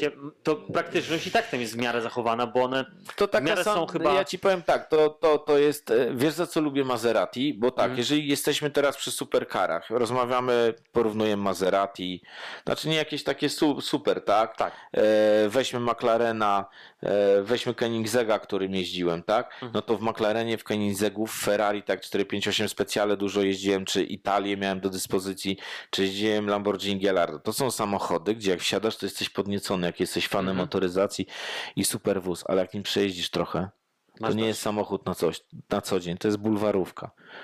To właśnie Męczy ten samochód, wiesz, to jak chcesz pojechać na Mazowiecką, wyrwać panią, tak, i pojedziesz taką furą, to to jest samochód do tego. Jeździć tym tak na co dzień to jest upierdliwe, ale Albo za pokazać to, swój status. albo pokazać swój status, tak, ale za to właśnie Ferrari Portofino, czy Maserati Grand Coupe, tak, to są samochody, gdzie masz jakby to wszystko połączone, bo jego brzmienie jest nie, nie odbiega. Jego osiągi też bardzo nie odbiegają od tych takich McLarenów i tak dalej, tak. E, Nie ma jakiejś tak potwornej różnicy, tak. I nadal on budzi, wiesz, e, spojrzenia Cały ludzi, czas. tak, ludzie się oglądają, tak, 15-letnie. tak, tak, I, i podoba się to auto, a jednocześnie nie jest męczący w czasie jazdy. Jeździsz jak normalnym samochodem. Pojedź dalej Ferrari, pojedź w trasę 300 km Ferrari, słuchaj, masakra. No jakiej, ja kiedyś ze swoim e, klientem, e, słuchajcie, miałem kolizję w Niemczech, musiałem zostawić tam samochód do naprawy Mhm. i mój klient mówi, wiesz co, mam rodzinę w Polsce, tak, e, mówi, odwiedzę, e, odwiedzę kuzynkę, e, jedziemy. No i wiesz, przyjechał po mnie do hotelu, no i patrzę 911. No to pierwszy problem. Wejść. Poczekaj. Miałem jakieś rzeczy ze sobą, tak? Bo byłem w sumie na takim No wyjeździe, który trwał 10 dni.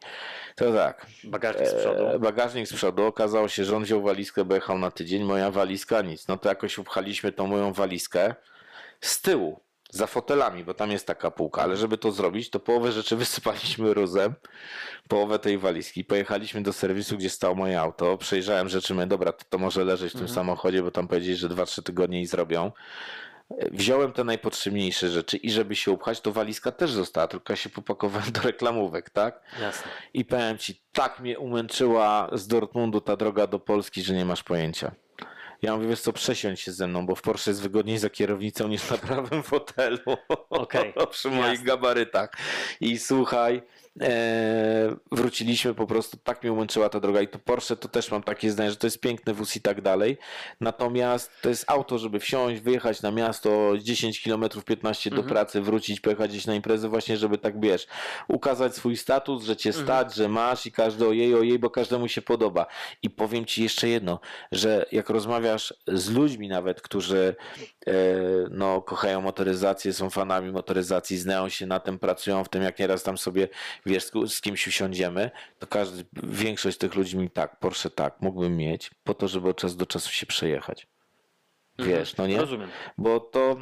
Ale nie mówimy tutaj, żeby sprecyzować, nie mówimy tutaj o Porsche Panamera czy o Cayenne, tak? Tak, czy, mówimy czy... o 911 teraz. Mówimy o tych tak, autach tak. sportowych, 911, Boxster i tak dalej. Jasne. Wiesz, Boxsterem jeszcze się da, bo on Bo jest rozumiem, tam... że Panamera jak najbardziej. Jak najbardziej, fajna limuzyna, lubię Panamerę. Praktyczna. Tak, fajniejsza jest ta poliftowa, ponieważ ją tam wydłużyli, wiesz, Mhm. bo Panamera była niby wielkim samochodem, jest trochę takich marek, że na zewnątrz jest wielki, tak, Mhm. a y, wchodzisz do środka i jest ciasno. Mhm. Tak jest na przykład z Q7, który każdy mówi, kurde, Q7 to chyba większa od X5 albo taka sama. Ale wejść do X5 i potem wejść do tej e, Q, Q7. Tak. Q7 w środku jest ciśniejsza. Wiesz, taki sztucznie nadmuchany samochód. Jasne, jasne. I, ale Cayenne jako SUV też w miarę Bardzo okej. fajny. Bardzo tak, też tak, lubię Cayena. No, wysoko siedzisz, dobrze jedzie, no tylko to paliwo, tak, bo to No, zabija. No, potem, potem miałem drugiego Cayena, to już był w dieslu, tak, no ale to tak Porsche nie brzmi w dieslu dobrze. Natomiast e, no masz ten komfort, to wykonanie i to co fajne jeszcze w tym Porszaku, czy tak w Mercedesie, ale niestety już tylko w tych wyższych modelach, że to wykonanie jednak takie jest zawsze, wiesz, Jasne. top, nie? To, Że, Mówisz że, o- o Cayenne, że tam nic nie skrzypi, nic nie ten, wiesz, Okej. no.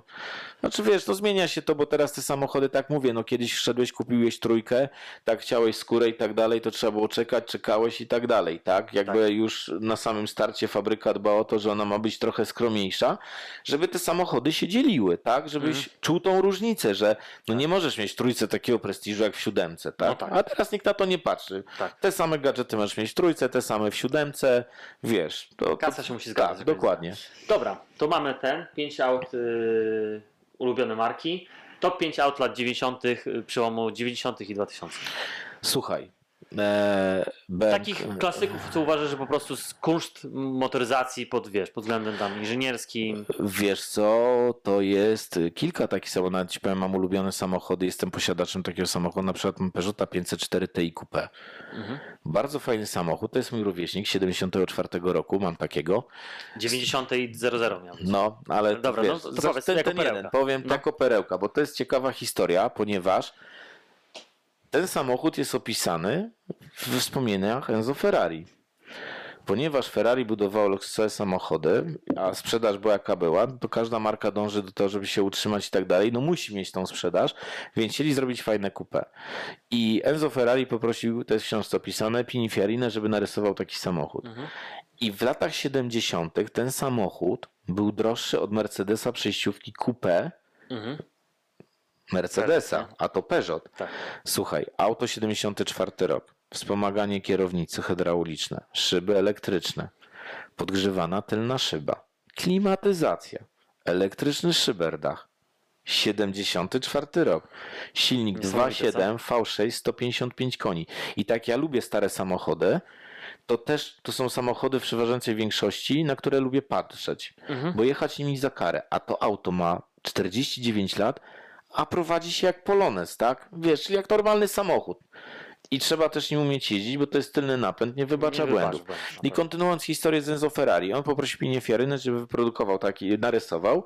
On to narysował, syn Enzo powiedział, nie no, nie będziemy to produkować, zwykły samochód, no ale no, ma nowo, nie, nie i tyle. I Peugeot mówi, to dajcie mi, to ja wyprodukuję.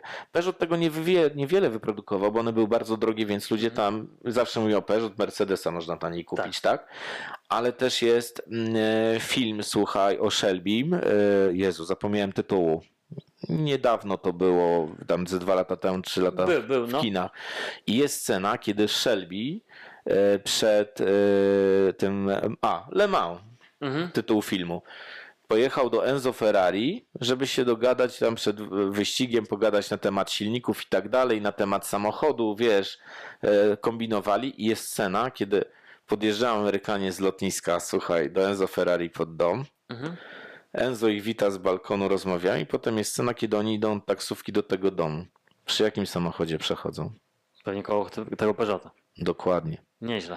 Enzo jeździł nim tym Peugeotem do śmierci w zasadzie, wiesz, to był, taki, ty mówisz? tak, to był taki samochód na co dzień. To jest opisane w, tam w książce, w wspomnieniach o Enzo i tak dalej. Ale hit. I, I to ci chciałem sprzedać taką informację. Nie wiedziałem tego. W szoku jestem. No, a słuchaj, a mm, to, to można sprawdzić, wiesz, No. w- Ale to był samochód, film. który gdzieś tam wymyślił, tylko nie chciał go po prostu produkować. Nie, wymyślił pod ten samochód Pininfarina, Mhm. wiesz. Ale koncepcja była też Koncepcja jakby jego, żeby fajne, nowoczesne coupe, które nie będzie za małe, nie będzie duże i jak na 74 rok ten samochód jest dość długi i dość e, szeroki. E, wiesz, więc, e, więc no to takie fajne auto. Fajne Ciekawe auto. Mm, I 50-letni samochód, którym jeździsz jak nowoczesnym, wiesz, no nie ma ABS-u, tak, Mhm. wiesz, no pewne wykluczenia są, ale generalnie da się tym jechać normalnie. Jasne. Dobra, no to i teraz 5 I, aut. I teraz tych 5 lat auta jest 90. Słuchaj, to było tak. Moja ukochana Lancia, e, Tema, którą Mhm. jeździłem, to 3-litrowa. Kochałem ten wóz. E, jeździł, zajebiste. E, tego Ale było niewiele. Komfort i Komfort różnice. Mistrzostwo Świata. Fo, słuchaj, fotele za kierownicą dla pasażera z przodu, tak fotel w domu. Mhm. Wielkie, welurowe, miękkie. Samochód miękki, jednocześnie 3-litrowy, ponad 200 koni, więc on fajnie jeździł, no nie? Mhm. No też palił trochę, bo to takie 14-15, ale na tamten czas to nie było tak dużo, bo Polonez 1.5.1.6 No palił 12, tak. Tak. 11. Więc to było tak, moja ukochana Alfa Romeo, to było to, e, słuchaj, Alfa Romeo, która? E, wtedy była 33, to się nazywała. Alfa 33. Okej, to w latach 90. To lata 90. były. Okej. Alfa 33, którą bardzo lubiłem fajnie i miałem wtedy też ją w najmocniejszej wersji, w takiej limitowanej. Ich tam powstało chyba tylko 1500 sztuk i każda miała na klapie pod znaczkiem 33, który numer produkcji. Okej. Z tamtego czasu mój ukochany samochód, który kochałem, jak oglądałem rajdę, to patrzyłem jak zakochany i to były dwie marki. E30, M3, Mhm. no po prostu niesamowity wóz. Mój zięć taki posiada. Tak? Zajebiste. A drugi to była 190 Evo 2. To była było- pierwsza M3, mówisz, tak, E30. tak, to była pierwsza M3. A potem, e, słuchaj, a potem takim kolejnym samochodem, e, który wzbudzał moje emocje i był moim marzeniem, które spełniłem w roku 98, bo 90, czekaj, nie 98, e, 2004, które spełniłem. Mam ten samochód i nie sprzedam. Mam Mercedesa 190 Evo 2 oryginalnego z przebiegiem 77 tysięcy. Y, To jest ym, 192, to jest, To jest 190 Evo 2. Evo 2. Tak, to był samochód, który był wyprodukowany w ograniczonej ilości sztuk. Tam było 501 sztuk, żeby zahamulowali Mercedesa do rajdów. Bo tak, taka jest zasada, że ileś tam sztuk musi powstać, żeby dostał homologację FIA i mógł startować w rajdach ten samochód. I kupiłem taki samochód z uszkodzonym silnikiem, odpa- odpala, coś mu stuka w głowicy, ale nie mam serca go rozebrać, czasem go przepalam, stoi i nie wprowadzam go na obroty, czasem wyjadę z hali, zrobię rundę, wracam do hali i to jest auto, którego ja nigdy nie sprzedam. To będzie spadek dla moich dzieci.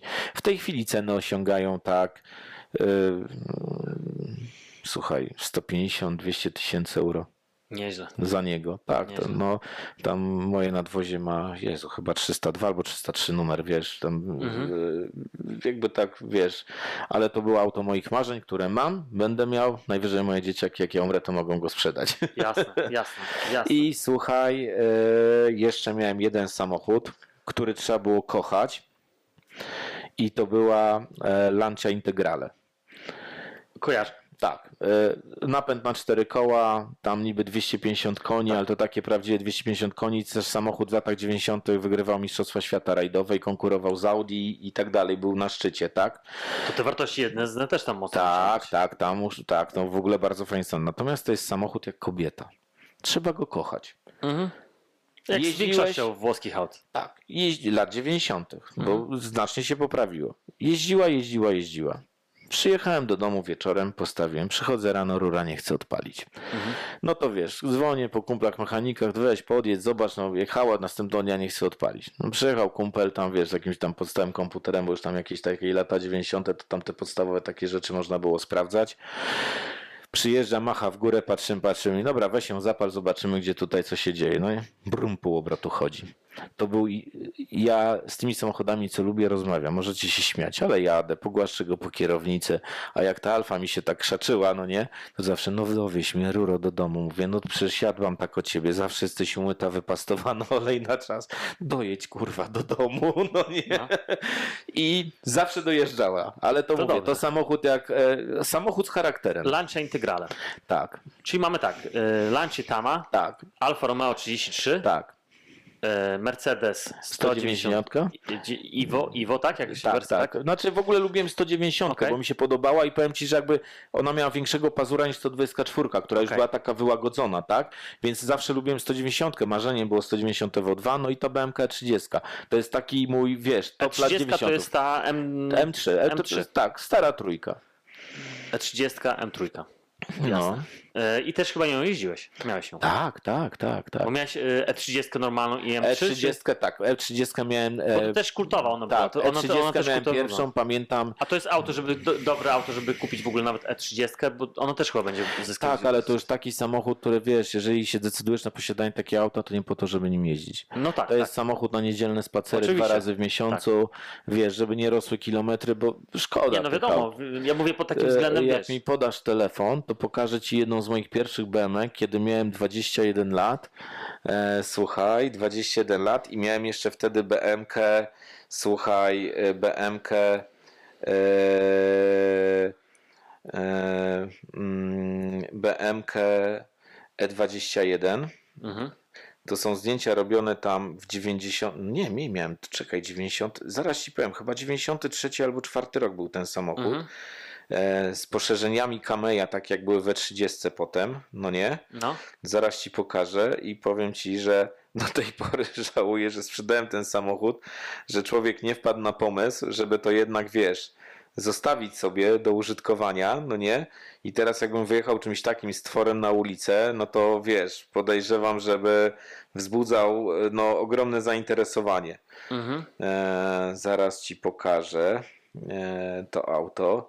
Będziesz się tutaj śmiał zapewne, ale e, jak ja byłem młodym człowiekiem, a jechał się czymś takim po Warszawie i podjechałeś pod jakiś klub, a wtedy tych klubów było niewiele, bo tam hybrydy Stodoła, Park, jakieś takie tego typu, no to branie było dobre. Jak ja to mówię, 3 czwarte urody mężczyzny z Forcelu, cała, cała reszta na parkingu pod oknem, tak? Więc jesteśmy przystojni. E, wiesz, taki żart. Mm, Ale e, no, wiesz, powiem ci tak, mój kolega, jak zmarli jego rodzice, Tomuś, przysłał mi zdjęcie tego, tych zdjęć, bo jak ja przyjechałem do niego kiedyś tam do nich na działkę na imprezę, to on wyszedł i zrobił zdjęcia tej BMW, bo mówi, kurde, no fantastico i jak sprzątał po rodzicach mieszkanie, to słuchaj, e, znalazł, Znalazł te, zdjęcia. Tak, znalazł te zdjęcia i mi przysłał.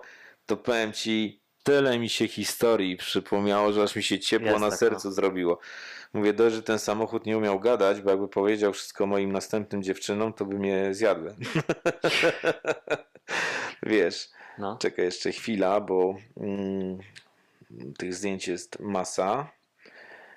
Ale zaraz pokażemy, nawet jak weźmiesz pewnie do telefonu swojego, jak nagrywamy, to też będzie można, e, że tak To powiem, wkleję, to, zobaczyć. to wkleimy w wideo. Dobra, e, słuchaj.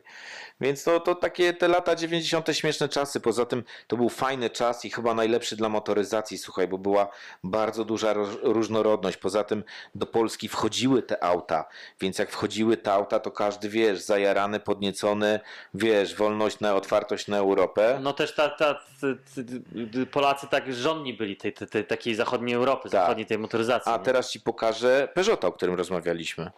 O. Zobacz. Ty, jaka fura. Tu... W ogóle przypomina mi Mustanga. No a z tyłu stoi C63 AMG. Zajebiste Białe. auto. Piękne. Tak. Samochód jest naprawdę urodziwy. I pomyślałbyś, że on ma 50 lat?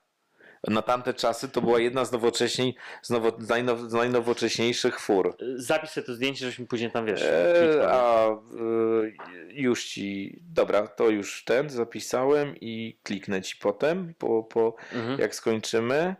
Słuchaj, jeszcze znajdę BMK. No. to będziemy mieli wszystko już Jasne. jakby z takich tych lat 90. I powiem ci, że w ogóle wiesz, przemiany w Polsce lat 90.